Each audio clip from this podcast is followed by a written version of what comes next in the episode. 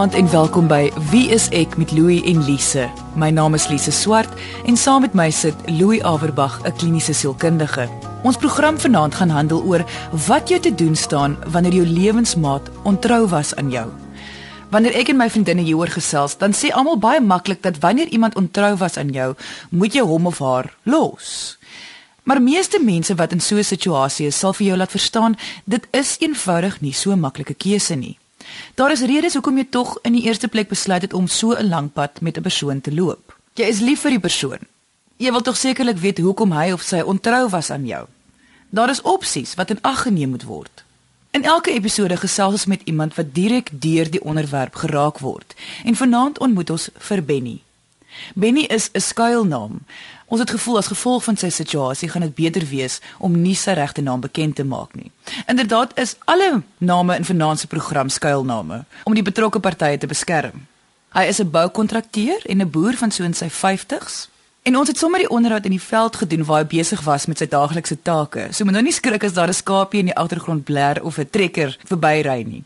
Kom ons hoor hoe het Benny en sy vrou, let net op hy verwys na as sy ex, mekaar ontmoet en hoe was hulle huwelik oor die algemeen gewees?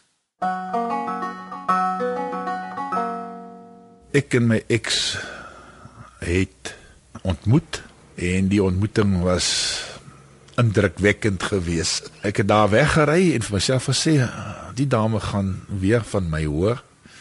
En so het die verhouding gegroei en so het ons na 18 maande getrou wat ek baie van haar gehou het was natuurlik die eerste indrukke hoe sy lyk. En sy was vir my ontsettend mooi aantreklik geweest. Pragtige oë lewendige gesig ontsettend gemaklik gesels. Die eerste ontmoeting was net as ons mekaar lank ken lank vriende was.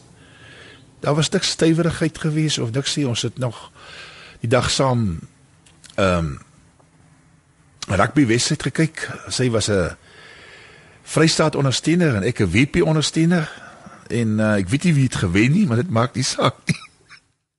Ons het oor baie goed saamgestem, gedeel. Daar was net nie iets wat in die pad was nie. Deegans. Selfs oor 20 jaar se huwelik as ek en my ex 20 keer beklei het. Oor 20 jaar is dit baie Ons het net 'n geweldige gemaklike huwelik gehad. So 'n vreemde ding want jy kan duidelik hoor, dit was 'n vreeslike gelukkige huwelik. So Louis, hoekom gebeur dit? Hoe hoekom ek kan seker nie vrou hoe gebeur hoekom gebeur ontrouheid nie, maar hoekom gebeur dit? Jy weet, die antwoord hierop is so legio soos hoeveel verhoudings daar is. Daar's baie redes hoekom mense ontrou is. En ek dink ons kan 'n hele maand se programme net daaraan wy. Maar ek dink wat mens moet besef in die kern hiervan, gebeur dit omdat mense nie gelukkig is in die verhouding nie. Daar is iets fout in die verhouding. Waar jy nou gesê het dit klink na 'n 20 jaar gelukkige huwelik. Dis dan duidelik dat dit ten minste vir die een party nie so gelukkig was nie. En as mens na die redes kyk vir ontrouheid, dan is dit baie keer baie maklik om die vinger te wys na 'n persoon. Of die persoon was 'n nare persoon want hy of sy was ontrou of die ander persoon het hom of haar so intoe gedryf. Hmm. Maar dit is gewoonlik baie meer ingewikkeld as dit en aan die einde van die dag is dit gewoonlik die verhouding se skuld. As jy verstaan wat ek bedoel. As die verhouding nie goed werk nie, veroorsaak dit ontrouheid. Dis nie dat mens nou sekerlik opkom vir die persoon wat ontrou is nie, want nee. hulle het nog steeds die keuse. Dis reg. Ons sê nie dis reg nie. Dit is natuurlik 'n verkeerde ding om te doen in 'n verhouding. Maar die redes hiervoor is nie so eenvoudig soos net hy of sy of X of Y nie.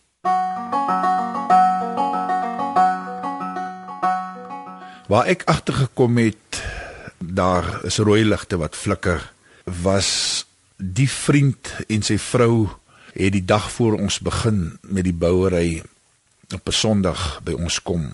'n Drankie kom drink. Uh, ek het by my gebou 'n geweldige probleem gehad met sy vloer in die sin dat dit was van hierdie gelamineerde vloere wat opgelig het as jy daarop loop en sy het geweldig aangedring dat die persoon moet die nuwe vloer insit. En hoe meer ek vir haar sê dat ek wil dit nie weer in hê nie, ek wil 'n ander soliede vloer in hê, hoe meer het sy aangedring. Ek het hom gevra wanneer kan hy daarmee begin? Hy het gesê die volgende oggend uh 8 uur. Ek het gesê dis baie moeilik want uh, dit is na die vakansie. Maar ek het toegestem. Ek het die oggend 6uur die werkers op die plaas gaan haal.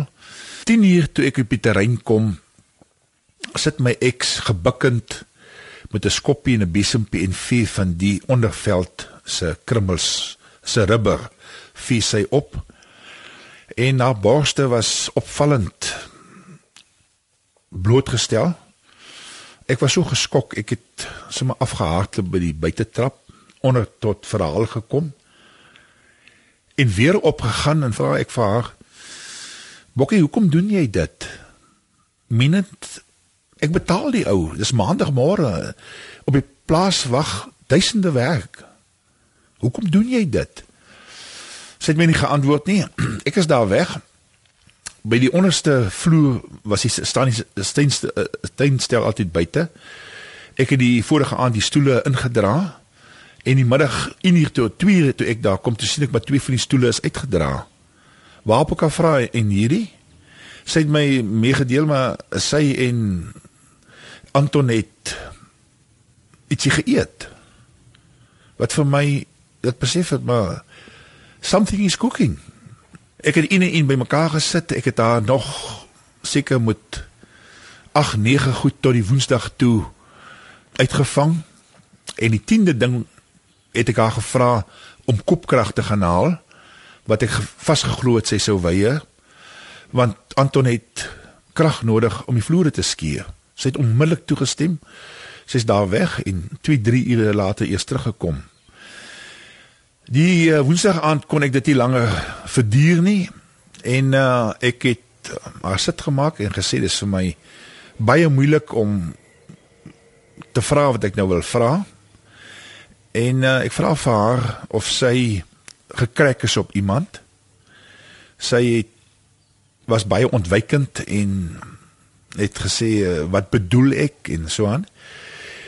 Maar ek het my baie goed geken. Sy moet baie eerlik met my wees.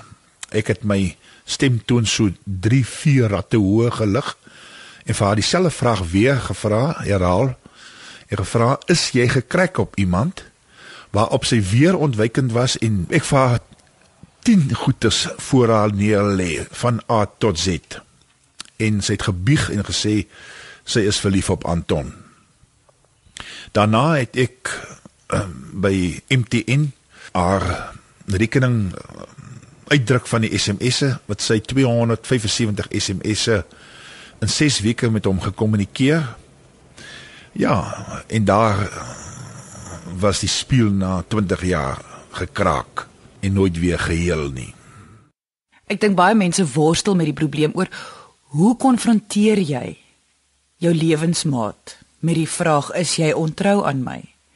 Ja, dis tog die eerste gevoel wat mens dan nou kry. Jy het nou uitgevind hier's iets aan die gang. Of jy voel daar's iets aan die gang. Ja, en en die behoefte dan, wat maak ek nou?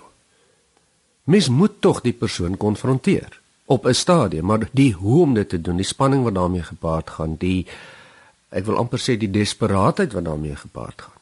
Want teen die tyd wat jy nou op die punt kom wat jy nou jou lewensmaat moet konfronteer, dan is die meeste skade mos nou al gedoen, heel waarskynlik. Moet mens nie ook in ag neem dat baie keer kan mense tog ook verkeerd wees en dit is hoekom mens iemand moet tog vra nie. Absoluut. Dis tog deel van die konfrontasie, maar ek dink ook mense besef as jy daardie proses begin, en jy konfronteer die persoon en sê luister, ek vermoed jy is nou ontrou aan my. Teen daardie tyd, dan is dit nou 'n pad wat begin het of dit nou waar is of nie. Dis dan 'n nuwe fase wat mens ingaan. Want selfs al is dit nie waar nie, impliseer dit daar's moeilikheid wat opgelos moet word. En wat sou jy voorstel is die beste manier om hierdie verskriklike vraag aan iemand te stel? Weet jy, ek dink nie daar is 'n maklike of 'n moeilike manier rondom dit nie. Natuurlik sal dit nie sin maak om nou op die persoon af te storm te beskuldig en te skel en te vloek en so aan nie. Jy gaan nie die beste respons daaruit kry nie. Jy gaan nie 'n lekker gesprek daaruit kry nie, maar mense verstaan ook baie keer mense is seer gemaak. Mm. En mense is kwaad. En tree dan miskien nou op op 'n manier wat jy nou nie moes nie. Uh ons is tog almal mense. Jy kan tog nou nie verwag elke persoon moet nou in skok rustig gaan sit met die lewensmaat op 'n ordentlike manier praat nie. Mense is baie keer geskok. Maar ideaal sou mens sê, jy weet dis 'n ding wat maar gekonfronteer moet word. In 'n ideale omstandighede sou mens sê gaan sit, konfronteer direk, sê luister, dis wat ek dink. Dis hoekom ek so voel, praat met my openlik. Daar's tog nie eintlik 'n ander manier nie. Maar tog is daar ook die ander situasie waar die persoon iets vermoed en dit is regtig nie gegrond nie. Dit gebeur natuurlik verskriklik baie. En baie verhoudings word uitmekaar uitgedryf deur 'n jaloerse party van die een kant af. Of net 'n vermoede. Of net 'n vermoede en wat dan aanhou en aanhou op die punt totdat die persoon aan die ontvangkant later aan so dik raak daarvoor dat hulle dan wa waarskynlik ontrou raak omdat hulle nie meer dit kan uithou nie. Of maar net loop omdat hulle nie meer kan uithou nie. Ja. Jy luister na wie is ek met Louie en Lise. Om die gevoel te beskryf is het, jy, het ek baie min woorde gehad of nog steeds. Dit is 'n magtelose gevoel angstig dit is onbeskryflik. Na 20 jaar ek kon nie glo dat my dat dit my ex is. Ek sou nooit vir haar kon glo betrokke raak in so 'n verhouding nie. Eerstens van wie haar geloofoortuigings Ehm um, haar geloofoortuigings is sy's 'n Jehovah getuie. Vir hulle is dit totaal onaanvaarbaar om buiteegtelike verhoudings te hê. Was die hoofrede hoekom ek oortuig was dat nooit sal sy in so iets betrokke raak nie. En uh, ja, ek die skok vir my om te kon besef dit het gebeur Ek weet nie wat het gebeur nie, maar dit het gebeur. Sy is in 'n verhouding, sy erken dit, sy's lief vir hom. Het die mat totaal onder my uitgetrek. Ek kon nie dink dat so iets my kan oorkom nie. En dit het wel gebeur. Ek was nog steeds baie lief vir haar gewees en ja, dit was vir my 'n geweldige skok. Hierdie is uiteraard 'n massiewe skok vir mense wat uitvind dat hulle lewensmaat hulle ontrou was, soos wat ons in Benny se geval sien. Die ding is onthou nou, hy het dit nie vermoed nie en dit gebeur baie keer. Dat hierdie verskriklike skok, die een oomblik dink jy alles is nog heeltemal goed en die volgende oomblik tuimel jou wêreld in mekaar. Veral as jy dit nie sien kom het nie. Kom ons gesels 'n bietjie oor die moontlike opsies of keuses wat jou dan te doen staan. Jy het nou uitgevind jou lewensmaat is of was ontrou. Nou wat nou? As mens gaan dink Nou wat staan mens nou te doen? Daar is so groot reeks van opsies en ons weet dat mense oefen baie verskillende opsies uit. Party mense word ontsettend kwaad en ran dan die lewensmaat aan.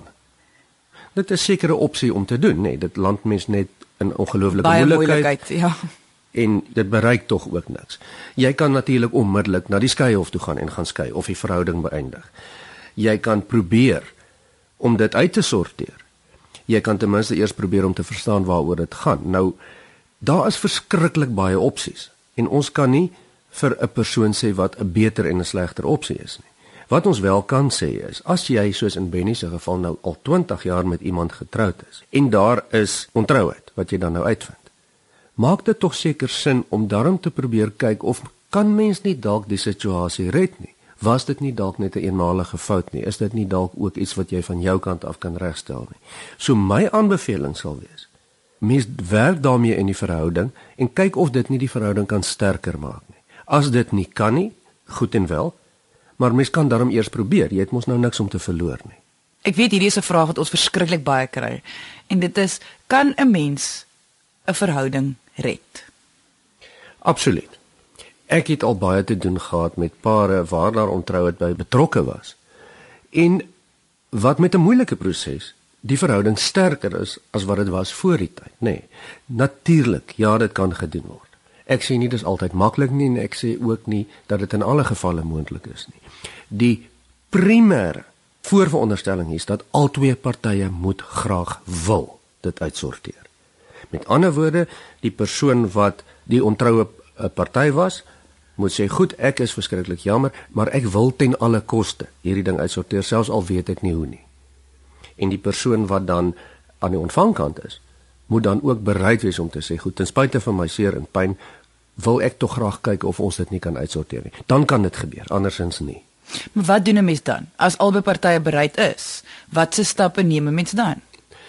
Met uitsorteer beteken dit basies twee goed. 1 Die persoon wat te nagekom is, moet op 'n stadium bereid wees om te kan sê, "Goed, ek vergewe en ek gaan aan."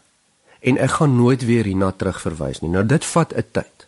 Maar dis die eerste, wil mens amper sê, voorwaarde. Kan die te nagekomde persoon op 'n stadium kom selfs al is dit na 'n paar maande, wat hy of sy kan sê, "Goed, nou sit ek dit agter my." As mens dit nie kan doen nie, dan weet ek nie of die verhouding baie goed in die toekoms gaan werk nie. Want wat ons almal weet wat gebeur. Oor 'n jaar stry mens dalk oor die wasgoed of die kar en dan kom daar die beskuldiging ja maar onthou wat jy 'n jaar terug gedoen het. Jy het nie reg om eintlik vir my nou te kom voorsê nie. Ja. Nou so kan dit glad nie werk nie. Maar vir 'n persoon om daai stap te kan neem om te sê goed ek is bereid om aan te gaan moet die persoon baie baie goed verstaan. Hoekom het hierdie ding gebeur? Wat was sy of haar aandeel daarin dat die verhouding op so 'n punt gekom het So mens kan nie verwag iemand moet net vergewe en aangaan sonder dat daar vir hom of haar antwoorde gegee word sonder dat daar goed verstaan word en dat daar bereidwilligheid is om in die toekoms 'n plan te maak om nou sekuriteit te gee. Dan kan dit werk. Ek kan mos nou indink as iemand ontrou is aan my, in die eerste paar dae gaan ek voel hierdie verhouding gaan nooit gered kan word nie. Dit is 'n normale gevoel. Ja, mens moet 'n bietjie 'n tydperk gee. Dit die tydperk, hoe lank is die tydperk? Hoe lank mag jy jouself gee? Of is daar nie 'n reël nie? Kyk teen die tyd wat die ergste chaos verby is, die ongelukkigheid, die argumente, die uitvind, die hartseer en die en die geskoktheid wat daarmee gepaard gaan. En die egpaar kom nou op die punt hulle sê nou moet ons seker maar iets doen. Ons moet seker nou maar praat of wat dit wat dit ook al is. Dan's daar gewoonlik 'n paar dae of 'n week of twee verby. En dan hang dit baie van persone af. As albei bereid is om hierdie ding uit te sorteer en mens gaan deur 'n proses, dan moet mens by die te nagekomde party hoor, hoe lank het jy nodig voordat jy op die punt kan kom wat jy kan sê, "Goed, nou kan ek aangaan." Dis natuurlik nou as die proses klaar is en die persoon verstaan mooi waaroor dit gegaan het en albei is bereid om dit te probeer uitsorteer. Dan moet ons nou maar hoor en mense sal sê, "Maar luister, ek is onmiddellik bereid om dit agter my te sit" of "Nee, ek het 'n maand of 2 nodig." En dan moet mens maar daai tydperk gee. Want jy weet ons is mense. Ek ek dink ons kan almal in onsself ingaan soek. Al sê ons koppe baie keer vir ons die logiese ding. En goed, ek verstaan dit nou en ek is bereid om dit nou verder te vat. Mens kan baie keer nie help wat jy voel nie. So mens moet maar 'n bietjie tyd gee. Dis 'n wond wat maar 'n roofie moet kry. Van al die onderwerpe wat ons al op wie is ek gedoen het, is dit nogal vir my ironies dat As dit kom by ontrouheid, is dit die een onderwerp waar almal nogal bereid is om 'n sielkundige te gaan sien. vir 'n verhoudingsberader ja. of 'n sielkundige en so mense gaan nogal gereeld soontoe. Ek wil weet wanneer sal die beste tyd wees om te besluit nou bring ons hierdie derde persoon in. Die beste tyd sal wees as albei die partye nou klaar gestry het, wil ek amper sê en sê, goed, Ons gaan tog nou maar probeer. Ons gaan nou nie net uitmekaar uithardloop nie, maar wat moet ons nou probeer? Ons moet nou seker sit en gesels hiermee. Op daardie stadium sou ek definitief sê kry asseblief 'n derde persoon en dit werk net baie beter. Ek sê nie dit is in alle gevalle moet jy nou sielkundig hê of dit gaan glad nie werk nie, maar dit help baie meer. Want dit is 'n moeilike proses. En mens moet ook onthou baie min mense staan op in die oggend en besluit aktief hulle gaan nou ontrou wees Hulle gaan nou probeer om die persoon seer te maak en te na te kom. Hulle voel nou niks meer vir die persoon nie.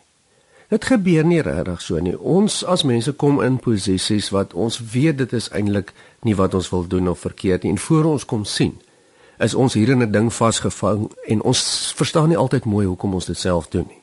Mense is tog nie inherënt so naar dat hulle net besluit ek gaan nou iemand anders seermaak nie. Dis 'n komplekse ding. En vir jou as persoon wat dan nou seer gemaak is om mooi aandagtig hierna te moet sit en luister, jou eie gevoelens apart te sit, te probeer verstaan, is baie baie baie moeilik. Ja, die derde party is net daarso wat onemosioneel na die situasie kyk en kan uitlig al die faktore hiervan sonder om emosies in te bring. Ja, en gewoonlik vat ons dit dan in stappe. Die manier hoe ek te werk gaan nie meer is om te sê, "Goed, kom ons vergeet nou eers net eers van die ontrouheid. Kom ons verstaan dit eers." Hoe werk mekaar se koppe? Wat is die twee mense se aard wat hier in 'n verhouding is? En as ons dan verstaan waaruit hierdie behoeftes gebore word, dan kan ons gaan kyk na nou, maar wat is dan nou fout in die verhouding? Hoekom was dit nodig? En dit gebeur nie dat daar ontrouheid is as die verhouding baie gelukkig is nie. So daar is altyd fout in die verhouding, selfs al het ons nie geweet daarvan nie. En as ons daarna gekyk, kan ons op die punt kom wat ons kan sê luister nou goed. Wat is ons ooreenkoms vir die toekoms? Hoe gaan ons hiermee saamleef? Hoe kan ons hierdie dinge nou verder vat? Maar dan sê ek weer, albei partye moet dan graag wil. As een party nie wil nie, kan ons niks doen nie.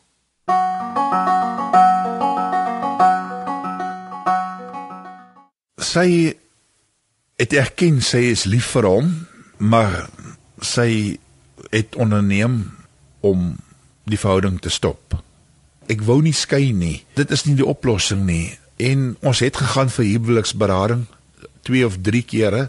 Ek het gevoel dit voeg nie waarde toe nie. In die hart, die hart is nie daar om samewerking te gee om dit te maak werk nie. Sy het gerieflikheidshalwe uitgetrek en in die strandhuis gaan bly wat dit nog moeiliker gemaak het. Ek het nooit by haar agtergekom dat sy 'n behoefte het om die huwelik werklik te red of te maak werk nie. Sy toe begin te ultimatum stel. Sy iewes skielik toe 'n probleem met my drankgewoontes. Ek moet gaan vir vir na 'n uh, stepping stone vir rehabilitasie. Wat ek toe toegestem het, wat my vriende my ongelooflik ook kwaliek neem. Maar ek het gevoel as dit dan nou is wat ek moet doen, dan doen ek dit.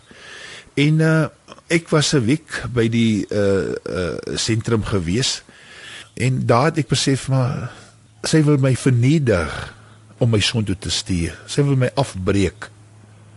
En het ek teruggekeer.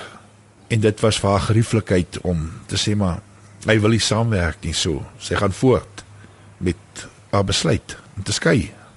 Ek dink dit was vir haar half 'n verligting gewees om die huidige een te beëindig en aan te beweeg met haar lewe. Ek persoonlik het 'n probleem met wanneer die skuldige party die blame oorskuif na die ander party. Dit voel vir my verskriklik kinderagtig. Ja, natuurlik. Mens moet ook nou net baie versigtig wees hiermee. 'n Persoon wat dan nou ontrou is in 'n verhouding waar daar 'n ooreenkoms was, maar ons gaan nie ontrou wees nie. Is mos nou natuurlik die skuldige party. Jy kan mos nou nie gaan verskonings soek nie. Jy het mos nou verkeerd opgetree. Maar as ons kyk na 'n oplossing hiervoor, help dit ook nou nie ons gaan kruisig die persoon wat nou verkeerd is nie. Ons aanvaar die persoon was verkeerd, maar ons wil graag kyk wat is die ander kante van hierdie verhouding? Wat het die persoon dan nou so ongelukkig gemaak? Wat gaan in die persoon se kop of hart aan? Wat éventueel veroorsaak het dat hy of sy dan nou in hierdie situasie beland het? Dan help dit nou nie ons oordeel mee nie, want ek dink nog altyd dat 'n mens dra gesamentlike verantwoordelikheid vir 'n verhouding se geluk. Met ander woorde, as een persoon ontrou is, dan wil ek amper sê kom ons gaan blameer die verhouding. Kom ons gaan kyk nou maar wat gaan in die verhouding aan. Sonder dat ons nou ontken dat die ander persoon verkeerd was. Maar ontrouheid is maar net een van vele dinge wat verhoudings kan moeilikheid gee. So die boodskap is ontrouheid is nie noodwendig die einde van die verhouding nie. Maar mens moet baie mooi onthou dat daar 2 na 3 na 5 kante van hierdie saak is. En al was die persoon self wat nou die slagoffer is hier nie verkeerd of het verkeerd opgetree nie. Daar's iets in die verhouding wat nie lekker is nie. En dis wat dit veroorsaak het. Ek wil 'n bietjie gesels oor in albei partye se geval. Wat sou jy sê is die sielkundige effek wat so 'n situasie moontlik kan veroorsaak? Man, alles wat met mense gemoed te doen het. Jy weet, jy praat nou van spanning, want as jy nou ontrou is, moet jy mos nou planne maak en jy moet jok. Dit veroorsaak baie spanning. En baie mense is nie inherënt boos nie. Die feit dat hulle dit doen is vir hulle verskriklik sleg. Hulle voel sleg oor hulle self. Hulle voel gespanne. Dit is die ironie in die hele saak, ja. Ja. Die arme persoon wat aan die ontvangkant hiervan sit, die hartseer, die spanning, die selfbeeldprobleme. Ek is nie goed genoeg nie, want dit is gewoonlik die eerste ding. Hoekom het hierdie persoon dit gedoen? Want ek is nie goed genoeg vir hom of haar nie. En dis 'n relevante gedagte om te hê. Mens kan dit verstaan. So depressie, angstigheid, uh skuldgevoelens is alles baie inherënt deel van hierdie proses. Is dit moontlik dat die skok uh, so erg kan wees dat dit iets soos posttraumatiese stres moontlik kan veroorsaak? Dit het ek al van tevore gesien, ja. Veral by mense wat per toeval ontdek dat die maat is ontrou en selfs op op 'n situasie afkom waar dit waargeneem kan word of waar jy dit afluister of iets. Dit dit kan vir mense baie baie posttraumatiese stres veroorsaak. Ek het dit al definitief gesien. Onthou want dit is 'n geweldige skok op die stelsel. Ons het al in vorige episode gepraat oor angs en depressie en posttraumatiese stres en indien jy meer wil weet oor enige of al drie die toestande, kan jy gaan luister na hulle as 'n pot gooi op RSG se webwerf. Dit is www.rsg.co.za en die sleutelwoord wat jy moet gebruik is geestesgesondheid. Ek wil ook net byvoeg wanneer so iets met jou gebeur of jy dan nou éventueel die verhouding gaan verder vat of nie. Dis ook iets wat mens individueel moet meewerk met jouself. Onthou inherent ervaar ons as mense hierdie ding as verwerping. Ek is eenkant toe gestoot, ek is seer gemaak, ek is verwerp. Dit maak ontsettend seer is tog menslik. Ek dink ook en en, en mens sien dit gereeld in in mens lees dit en in films en en en, en ware verhale, mens hoor dit by jou vriende. Dit is so 'n reusagtige skok. Hoekom sal 'n mens nie, maak asook wat jy besluit of jy nou wil bly in die verhouding of jy nou wil 'n egskeiding hê nie. Gaan sien tog 'n professionele persoon want daar is so baie om deur te werk in jouself, wie jy is wie jy binne die konteks van die verhouding is, wat jou rol is in jou eie lewe. Dat ek dink om selfs net as 'n individu as hulpkundige gaan sien gaan glad nie 'n slegte idee wees nie. As dit kan ja. Die effek van hierdie situasie van ontroud kan vernietigend wees. So as dit dan nie gaan oor die verhouding ten minste dat dit dan gaan vir jouself want jy moet nog steeds voortleef of jy nou wil of nie. Jy luister na Wie is ek met Louie en Lise. Die skade wat aan my persoonlik as mens gedoen het is eintlik onmeetbaar. Dit is nou bykans 4, 5 jaar en ek worstel nog steeds daarmee. 'n Mens voel verwerp, jy voel nutteloos, jy voel dit waarvoor jy jou lewe lank opgeoffer het vir jou vrou en jou kinders is instaps is dit weg. Dit is nie meer daar nie. Die lewe voel vir jou doelloos. Dit voel vir wie en vir wat het ek my afgebreek. Daar's baie vrae wat 'n mens jouself afvra wat maar eintlik onbeantwoord bly want jy weet hoe, hoe het daardie persoon se kop gewerk en as ek sien hoe ek vandag nog steeds sukkel met onopgeloste goed oor sy wil nog meer hê, sy wil nog meer hê, sy wil nog meer hê. Hofsaak wat al 3 en 'n half jaar aanloop. Dan voel 'n mens verbitterd. Jy voel dis hard verdiende geld wat hulle wil opmors terwyl ek sukkel om die kinders deur skool en tersiêr te vat. Dit maak seer. Ek het geen haat in my nie. Maar ja, emosioneel kry ek baie swaar. Ek sukkel om vandag my lewe te fokus om weer doelgerig te raak om weer op te staan en die lewe in die oë te kyk. My kinders is tans by my on, in die huis onder dak en dit verg baie van 'n enkel ouer om pa en ma rol te speel. Dit is nie maklik nie. Net vir interessantheidshalwe. Is daar 'n verskil tussen hoe 'n man en 'n vrou sal reageer teenoor ontrouheid? Weet jy, ek dink nogal nie so nie, hoor. Ek dink mense is so verskillend dat ons kan nie regtig sê dat mans reageer net op een manier en vrouens net op 'n ander manier nie. Die universele ding hier, die algemene ding is verwerping, seermaak. Mense word kwaad, mense word hartseer en mense tree oor die algemeen op dieselfde op. Daar is nogal bietjie meer druk op mans dink ek om miskien bietjie sterker oor te kom en nou voor te gee dat hulle dit kan hanteer. Ek dink ons aanvaar meer as 'n vrou dalk nou vir 'n week of twee dalk van die werk afvat weens emosionele uh, redes wat mens kan verstaan. Maar dit is ook onregverdig. Ek dink nie daar's regtig 'n verskil hoe mans en vrouens dit ervaar nie.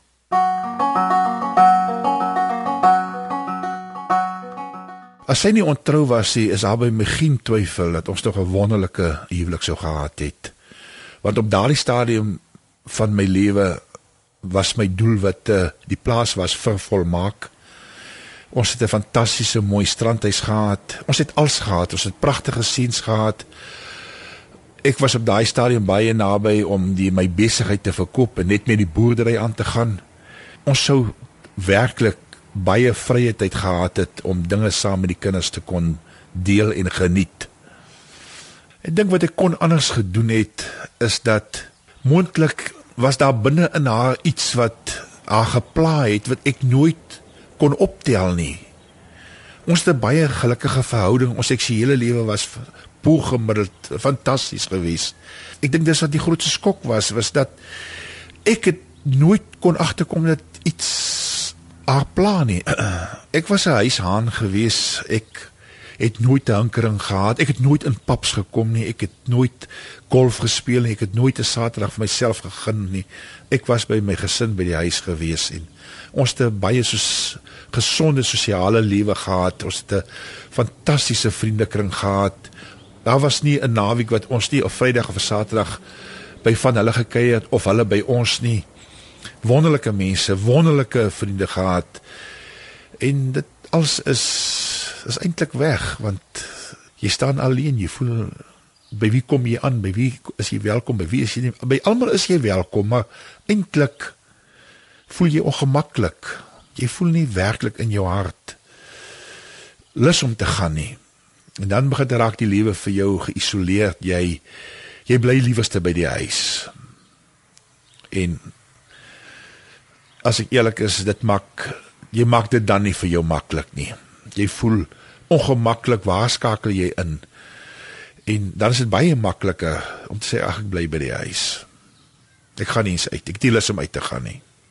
Voor ons die isolasie bespreek, wil ek net verwys na hoe Benny nie agtergekom het dat daar dalk iets verkeerd was met sy vrou of dat sy dalk ongelukkig was nie.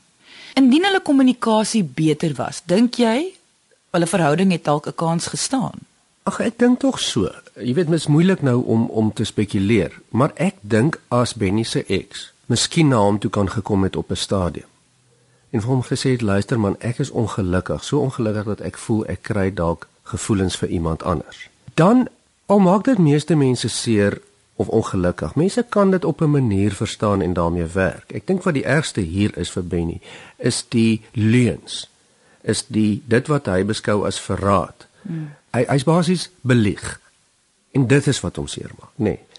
So ja, dalk as daar vroeër kon gekommunikeer gewees het, kon dit dalk 'n beter egskeiding gewees het of terselfs die verhouding kon gered gewees het. Ons kan nou nie sê nie, maar die kommunikasie sou gehelp het.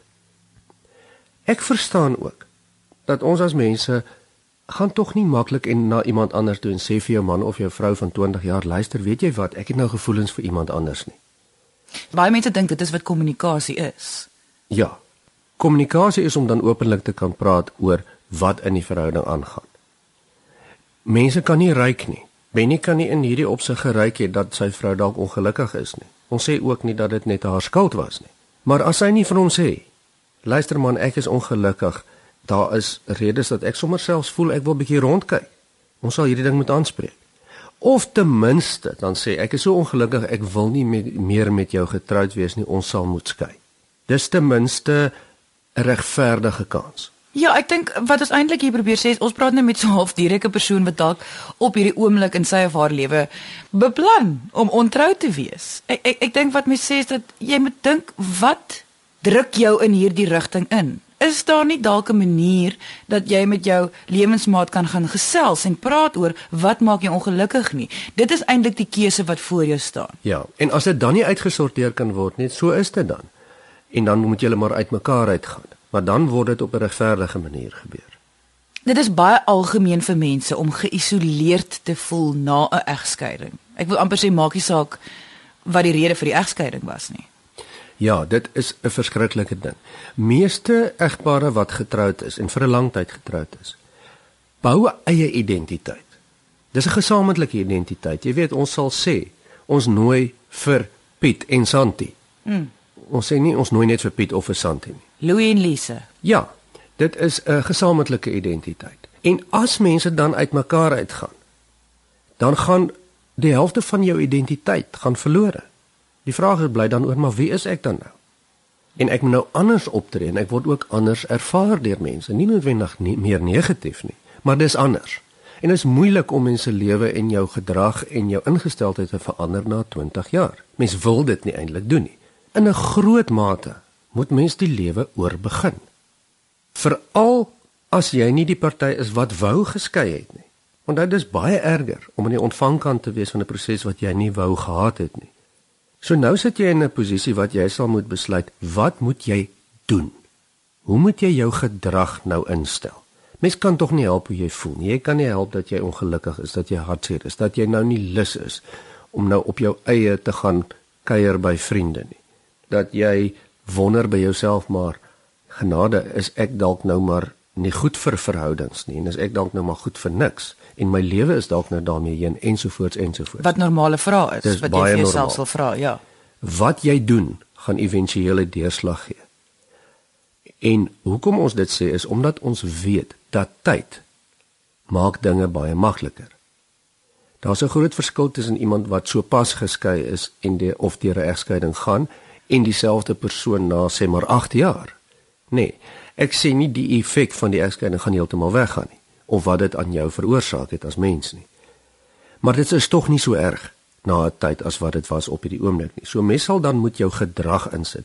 Jy moet tog aanhou werk as dit moontlik is. Jy moet tog op 'n manier met jou familie en jou vriende sosialiseer en ten minste met hulle gesels al is jy nie lus nie. Op 'n stadium begin die meeste mense ook dan weer Rotine opbou. 'n rotine opbou en selfs weer bietjie met afspraakies gaan en dalk dan nou maar kyk goed gou ek nou maar weer probeer of iemand 'n kans gee ensovoorts al is dit nie maklik nie. Wat ek hiermee sê, egskeiding is nie die einde van die lewe nie. Al voel dit so op die oomblik. Dis 'n verlies en verliese is deel van ons lewe. Selfs al gaan staan ons by die kansel en sê vir ewig en vir altyd. Is die kanse dat dit so gaan wees nie altyd baie goed nie en dit leer die lewe mos nou maar vir ons.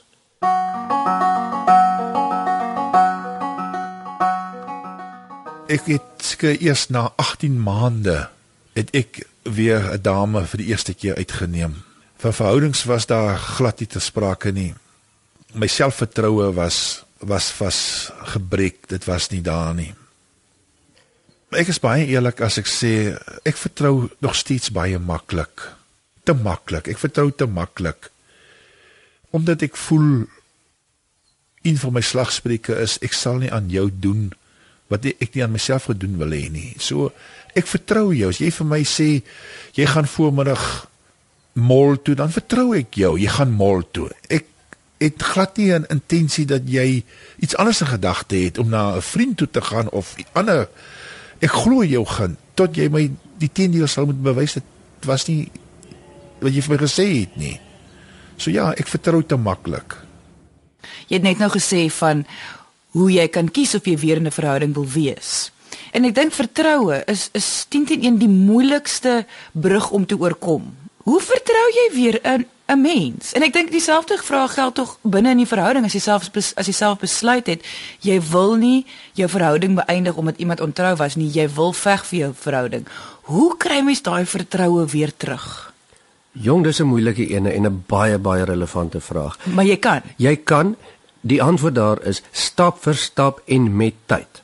Jy weet as dit 'n nuwe verhouding was, is ek baie te gunste om van die staanspoor af te sê luister man, ek kom uit 'n egskeiding uit of ek kom uit 'n verhouding uit waar daar ontrou aan my was. My vertroue is daarmee heen. Ek kan nie sommer net vertrou nie. So as jy met my in 'n nuwe verhouding wil of ingaan en of 'n pad wil kyk of ons 'n pad kan loop, dan moet jy verstaan. My vertroue is geskaad en dit gaan my baie tyd vat. As jy nie daai ooreenkoms met my kan maak nie, dan moet ons nie 'n verhouding probeer nie. Ja. Net so ek dink dat jy dan geregtig is om na die tyd jou eie kitaar te slaan binne perke en binne rede natuurlik, sodat jy nie weer pens in potjies in 'n ding inval en dat jou eie gedagtes jou dan ry nie. En ek dink dieselfde geld tog ook as jy binne in jou verhouding gaan bly. Waar jy vir die persoon kan sê eh, dat jy moet vir my 'n kans gee. Ja. Ek vertrou jou nie op die oomblik nie. Ja, dit is en tog jy moet heeltemal vir my daai normaal. kans gee. En snaaks genoeg, jy kom ons maar net weer terug by kommunikasie. Ja. So selfs al gaan jy 'n nuwe verhouding in, moet jy jou kommunikasie Ja. Daar's tog niks meer verkeerd om vir iemand te sê, luister, ek het seer gekry, ek vertrou jou nie. Dis nie oor jy iets verkeerd doen nie. Ek sukkel hiermee. Enige iemand kan dit tog verstaan. En dan kan mens nou sit en gesels en praat oor die wantrou en wat kan die een party doen? Sodat mens amper 'n plan maak en en 'n uh, ek wil amper sê 'n gesamentlike plan van aksie het daarvoor, sonder dat mense dit hoef weg te steek of skaam te wees. As ek vandag vir iemand moet raad gee, gaan terug na jou vrou en gaan werk aan jou huwelik. Jy het mos eet afgelê tot die dood ons skei. Maak werk daarvan. Buite egtelike verhouding is nie die oplossing nie. Dit is nie die antwoord nie. Dit is pyn, maal pyn, hartseer, maal hartseer, maal baie. Jy luister na Wie is ek met Louie en Lise. Ek dink die groot ding wat ek uit vanaand se episode geleer het, is dat mens wil amper sê kommunikasie, kommunikasie, kommunikasie. Dit moet daar wees van die begin af die hele tyd. Sel, selfs al ontmoet jy iemand, jy's nou jy's nou in 'n in 'n verhouding of jy is getroud en jy ontmoet iemand en jy hou baie van hierdie nuwe persoon, daai kommunikasie met jou lewensmaat is belangrik.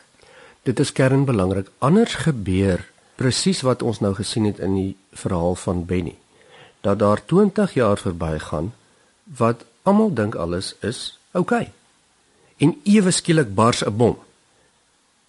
Maar die bom het gebars oor dit oor 'n lang tydperk nie gehanteer is en ek praat van die kommunikasie. Daar moes iets fout gewees het. En daarmee sê ek nie dis Benny se skuld hy moes dit geweet het nie. En daarmee sê ek ook nie noodwendig dis die ex se skuld dat alles haar skuld is nie. Maar as hulle kon gaan sit het voor die tyd en hulle het 'n openlike verhouding gehad waar hulle hierdie goeters kan bespreek sonder dat daar 'n vrees veroordeel is. Sou dit miskien makliker gegaan het om die proses te hanteer en sou daar minder isolasie gewees het. So ontrouheid in 'n verhouding om op te som maak alle partye altyd seer. En dit is nou goed en wel vir ons om te sê nee, moet nou nie ontrou wees nie, maar dit is nie hoe dit werk nie. Daar's redes, daar's baie kante van 'n saak. En ons sien dat ontrouheid lei gewoonlik tot of 'n kraak in ver, vertroue in 'n verhouding of tot die vernietiging van 'n verhouding. Net so as mens deur hierdie proses is, kan mens verwag dat jy met baie slegte gemoed gaan sit. Alle partye. Dis hartseer, dit is isolasie. Mens voel alleen, jy voel verwerp. Uh, Jou hele lewe kom tot 'n stilstand. En hierdie is dan soos enige trauma in mens se lewe. Iets wat mens baie baie mooi moet bestuur want jy kan ondergaan. Ons sien baie keer hoe baie mense na 'n egskeiding hulle lewens totaal afdraande gaan of na ontrouheid en dit hoef nie so te wees nie. Mens kan nie eintlik beheer wat buite jou gebeur en wat ander mense se dink en doen nie. Maar mens kan op 'n manier se probeer jou gedrag so aanpas. Laat as jou kommunikasie dan nie werk dat jou verhouding gaan werk nie. Kan jy ten minste dan jou rotine vir jouself instel. Kan jy ten minste aanhou werk, jy kan ten minste aanhou gesels en aanhou by jou paar vriende uitkom. En éventueel gaan jy meer perspektief hierop kry en gaan jy dinge dalk anders doen in die toekoms of jy gaan dalk meer versigtiger wees in die toekoms of wat dit ook al is maar jy kan sterker hier uitkom en jy behoort Ons het nou ongelukkig aan die einde van die episode gekom. Ons wil baie dankie sê aan Benny dat hy sy storie met ons vanaand gedeel het. Ons besef dit was nie hom maklik geweest nie. Indien jy enige vrae het oor verhoudings, ontrouheid of kommunikasie, kan jy ons kontak op ons Facebookblad onder Wie is ek met Louie en Lise of jy kan vir ons 'n e-pos stuur. Louie by wieisek1woord.com. Ek herhaal Louie by wieisek1woord.com. Onthou hierdie komende donderdagoggend tussen 11 en 12 beantwoord Louie regstreeks enige vraag oor enige onderwerp. Op ons Facebookblad weer eens Wie is ek met Louie en Lise. Mens weet nooit jou vraag mag dalk net iemand anders se lewe verander. Baie dankie dat jy vanaand ingeskakel het. Ons maak weer so volgende Dinsdag aand net na die 11uur nuus hier op RSG. Jy moet 'n heerlike week hê en onthou, kyk mooi na jouself.